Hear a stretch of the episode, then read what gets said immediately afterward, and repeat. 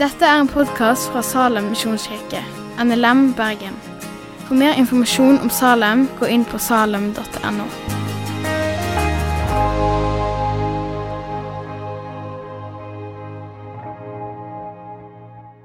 Har du noen gang kjent på sånn uutholdelig smerte? noen gang?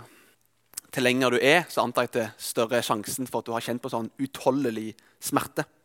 Eh, jeg har ikke levd så mange vintrer. 25 vintrer har jeg vært igjennom. Og, men jeg hadde én sånn smerte. Eh, min blindtarm sprakk. Eh, for dere som har opplevd det, så vet dere kanskje litt hva det foregår. Det sitter jo en som jobber her på mageavdelingen på Haukeland og vet hvordan det kan se ut. Og det var forferdelig vondt. Eh, visste ikke hva jeg skulle gjøre meg. Vrei meg i smerte. Men idet han sprakk, da ble det litt bedre. da. Men det var sånn utholdelig smerte. Og Jesus opplever en helt annen type smerte i den teksten vi skal snakke om i dag.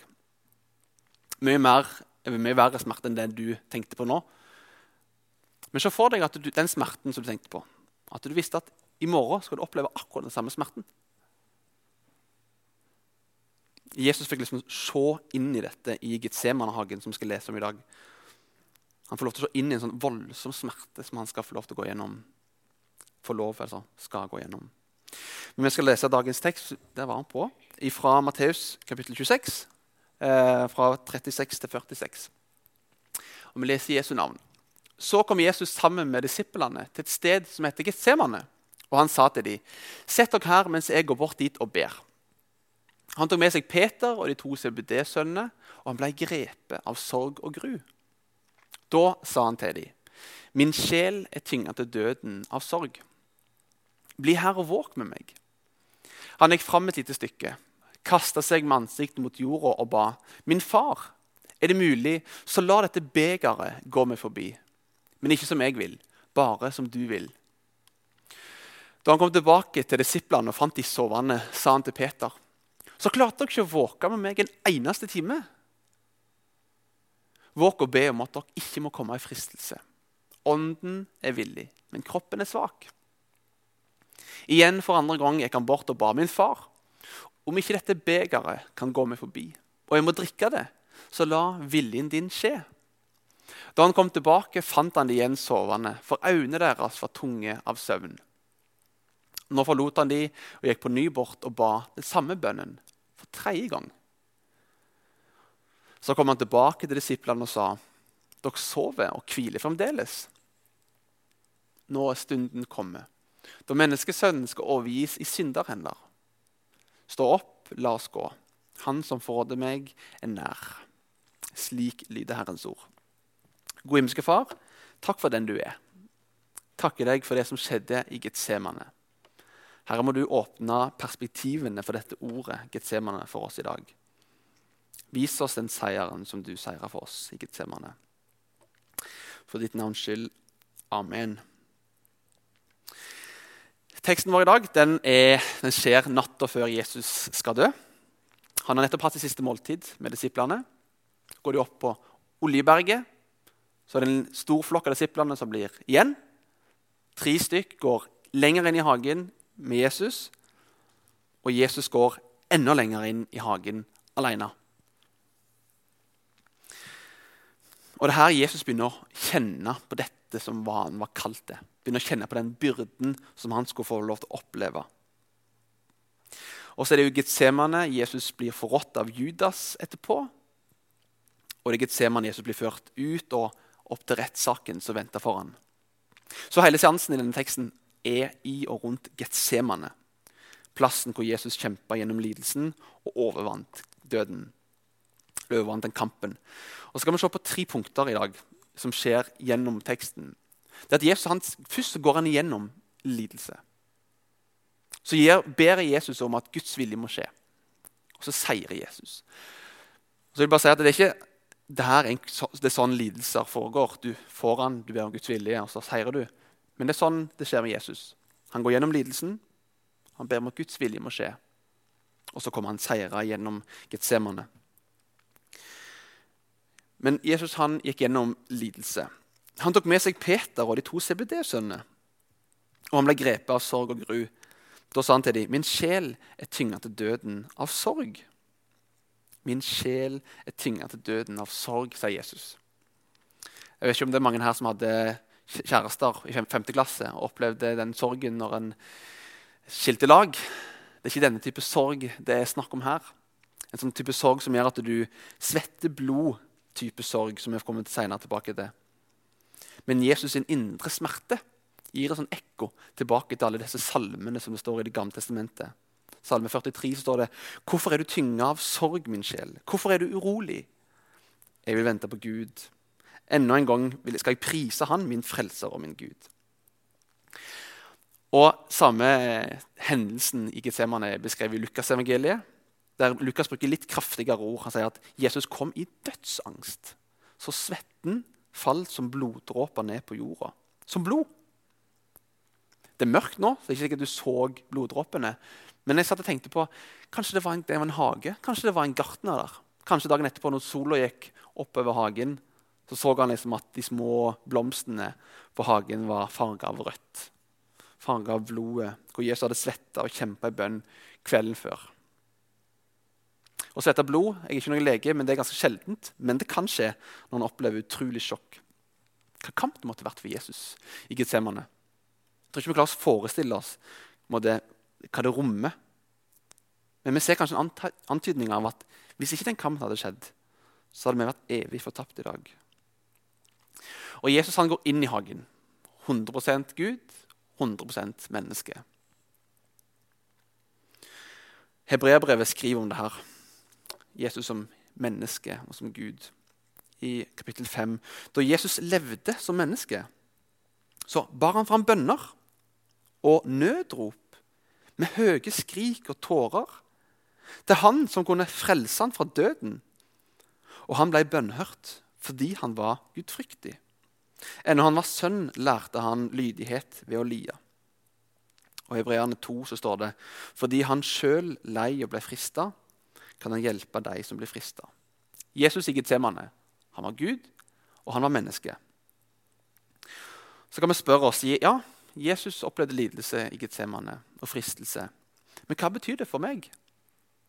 Hva betyr det for oss? Vi opplever òg lidelse. Disse åtte disiplene de måtte vente utenfor. De tre nærmeste ble med Jesus et videre hakk inn i hagen, inn, et hakk inn i lidelsen. Jesus måtte alene enda lenger inn i hagen. Enda lenger inn i lidelsen. Og så er det noen i dag som blir tatt med lenger inn i en lidelse enn andre. Og Det syns jeg av og til er urettferdig. Men hvor dypt vi skal inn i lidelsen, det er ikke det vi som avgjør. Jeg vil bare si, Ikke søk lidelsen, men hvis Jesus sier 'følg meg dypere inn', så følg han. Selv om veien fører inn i sånn ugjennomtrengelig mørke. Bare pass på at du er så nær til Jesus at du ikke mister hans syne. For det er nettopp dette, fordi Jesus sjøl lei og ble frista. Så kan han hjelpe oss som blir frista og opplever lidelse. Og Når Jesus sier 'Kom til meg, alle dere som strever', med det bakgrunnsteppet Jesus i Getsemane på kne for oss, svette blod for oss, opplever den utrolige lidelsen for oss, og så sier denne personen, 'Kom til meg'. Ikke kom til hvem som helst, men kom til meg. Alle dere som strever og bærer tunge byrder, og jeg vil gi dere hvile. Alexander den store Det finnes sikkert historikere her som kan mye mer om han enn meg. Men han var jo en stor konge og kriger. jeg har hørt. Og jeg har hørt at En av de grunnene til at folk så, likte han så godt, var at han var eh, en person som ikke måtte nøyt eh, det å være konge. Altså, han, når de marsjerte, så satt han ikke i skyggen og bare chilla. Men han gikk sammen med dem. I støvet og i svetten og i varmen. Og hvis de fikk vann, og så kom til vann til han først, så sa de nei. Jeg trenger ikke vannet nå. Det er de syke soldatene som trenger vannet først. Når alle får drikke, så skal jeg drikke. Og slik er det med Jesus. I alle lidelsene som vi opplever, så blir Jesus plaga. Og han vil ikke ha glede før han gir gleden til folket sitt. Ja, Alexander gjorde mer. Jesus gjorde mer enn han Alexander. Han tømte seg sjøl. Ga seg sjøl til å dø på et kors for oss. gjennom sine lidelser. Ok, Jesus opplevde lidelse. Men hvorfor gjorde han det? Hva som gjorde at Jesus ble så tynga døden av sorg? Det kommer fram i den bønnen som Jesus ber. Han gikk fram et lite stykke, kasta seg med ansikt mot jord og ba, 'Min far, er det mulig, så la dette begeret gå meg forbi.' Men ikke som jeg vil, bare som du vil. La dette begeret gå meg forbi. Hva er det som gjør at en konge er redd for et beger? Er det noe å være redd for? Et beger, liksom. Jesus han er, han er full av sorg. Det betyr indre smerte. Smerte på innsida. Jesus opplever en smerte som han kan bli knust ifra. En smerte som han er redd han kommer til å dø av den smerten. Altså, Et beger i denne konteksten betydde ofte lidelse. Et eksempel var at en kanskje fikk et beger av gift som en skulle drikke. Dette begeret er det som tynger Jesus. Dette begeret er Guds straff, Guds rettferdighet, som vi fortjener. Så begeret er Guds straff. Hva er oppi dette begeret? Hva er, opp, hva er denne straffen oppi her? Og Når Gud straffer, så er det ofte gjennom fravær av Han. Noe vi trenger. Noe Jesus trengte. Liksom som en plante trenger nærvær av sol. Denne planten trenger nærvær av sol. Jeg vet ikke om den er ekte eller falsk. Den er ekte, tror jeg. Trenger nærvær av sol. Eller en planet trenger nærvær av sol. Tar han vekk sola fra en plante, så dør han. Tar du vekk nærværet av sola til en planet, så blir det så kaldt at det ikke kan være liv der. På samme måte er vi helt avhengig av nærværet til Gud. Ikke alle mennesker i dag er klar over det, at de trenger nærværet av Gud. Men de er avhengig av nærværet til Gud. Og Jesus han fikk lov til å, han kjente på det perfekte nærværet av Gud. Det perfekte fellesskapet av Gud. Og Så så han inn i at han skulle bli ekskludert fra det. Og Så kom ordene til Jesus på korset. Min Gud, min Gud, hvorfor har du forlatt meg? Jesus er ikke overraska eller så redd for å dø, nødvendigvis. Men det å oppleve et virkelig helvete, fravær av Gud, det er det han frykter. Ser du hva Jesus gjør? Ser du hva han gjør for oss? Dette begeret det er åpenbart korset til Jesus, som innholdet er hele verdens synd. Jesus uten feil og uten synd ble gjort til synd for oss. For deg. Helt reelt, helt virkelig. Synden ble plassert på ham. Det var ingen hellig, det var én hellig. Jesus, Gud la Jesus drikke Guds beger i vårt sted. Han, den skyldfrie, tok dommen for oss. Og i dette, i denne lidelsen, dette begeret, som Jesus får oppleve, og så inn i, så ber han la din vilje skje. Han ber ikke om å få slippe korset. Han ber om at Guds vilje må skje. Og Jesus har modellert et utrolig fint eksempel for oss. Jesus kom inn i Getsemane og utøste sitt hjerte for Gud. Gud vil at vi skal gjøre det. Komme fram for han og øse ut vårt hjerte til han. Gud han er stor nok, han er nær nok til å høre bønnene våre, og så er han stor nok til å gjøre noe med det. Så sier Jesus, 'Ikke la min vilje skje, men din'. Jesus er også et eksempel på god integritet. Han sier noe, og så lever han det ut. Han sier noe i lyset, og du ser det på han i mørket. Er du den samme i mørket som du er i lyset? Er jeg den samme i mørket som jeg er i lyset? Jesus er. Se på livet ditt. Er det ting som ikke er bra? Se på mitt liv. Er det ting i mitt liv som ikke er bra? Som ikke er fullt av integritet? Er det noen i livet mitt som skuffer meg?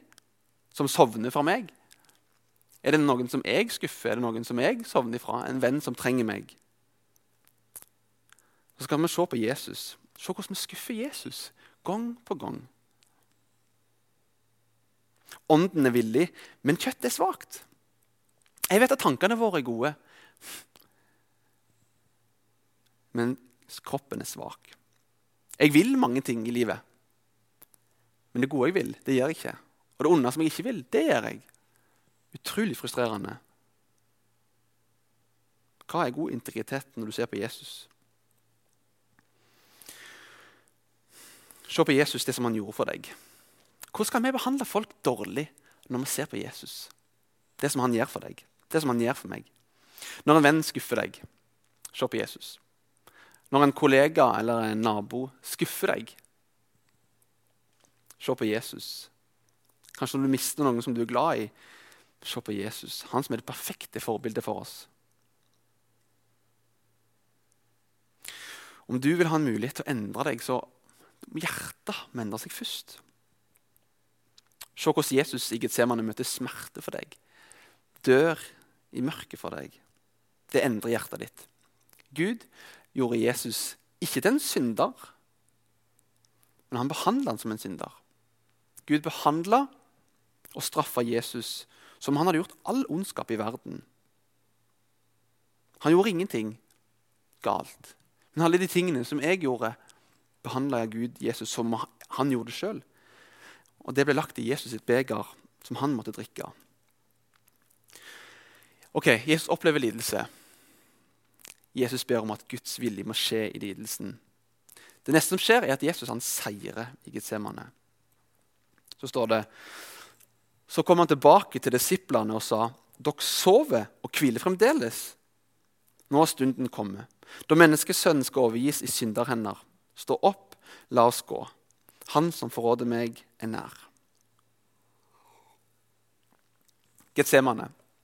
Et ord som rommer ufattelig mye. Rommer lidelse, rommer smerte. Men det er òg et ord som rommer seier. Jesus ber ikke min vilje, men din Gud. Hvis vi skal være ærlige, Hvor mange her inne, inkludert meg selv, ber egentlig ikke Gud, la min vilje skje? Alle mine gode tanker med mitt liv, la det skje. Sånn ber ikke Jesus. Han viste at dette begeret måtte tømmes enten av oss eller for oss. Jesus tømte det for oss. Og Etter Jesus har kjempa i bønn på kne i Getsemane, så reiser han seg. Og i de ordene så viser han at han har seira. Jesus vant slaget ved Getsemane. Virket til Jesus begynte med en fristelse en prøvelse med djevelen i ørkenen. Slutten av virket til Jesus opplever en fristelse en prøvelse av djevelen i Getsemane. Jesus seirer begge gangene. Jesus er seierherre. Hvorfor? Jesus hadde et lønnkammer i Getsemane. Han brukte tid sammen med Jesus. Det var nok ikke ei dør i hagen for å lukke igjen, men han var i et lønnkammer. Men i lønnkammeret så kom fienden inn. Han visste hvor han skulle finne Jesus. Og stillheten til Jesus ble forstyrra av verden rundt. Og Denne samme framgangsmåten bruker djevelen alltid. Han bryter lønnkammerets fred. Han vet hvor han skal forstyrre meg og deg. Han er ganske sleip. For han vet at kan han forstyrre deg i lønnkammeret, da har han deg. Når djevelen forstyrrer meg i mitt lønnkammer, da har han meg. Virkelig. En sovende disippel er enkel å overrumple. Men Jesus ble ikke overrumpla. Frimodig så går han motstanderne sine i møte. Han sto sterk fordi han kom fra et lømkammer hvor han hadde seira.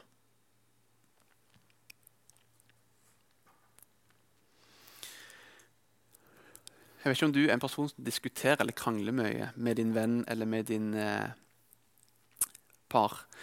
Altså ektefelle eller kjæreste. Vi krangler litt, ikke så masse. Eh, mindre og mindre.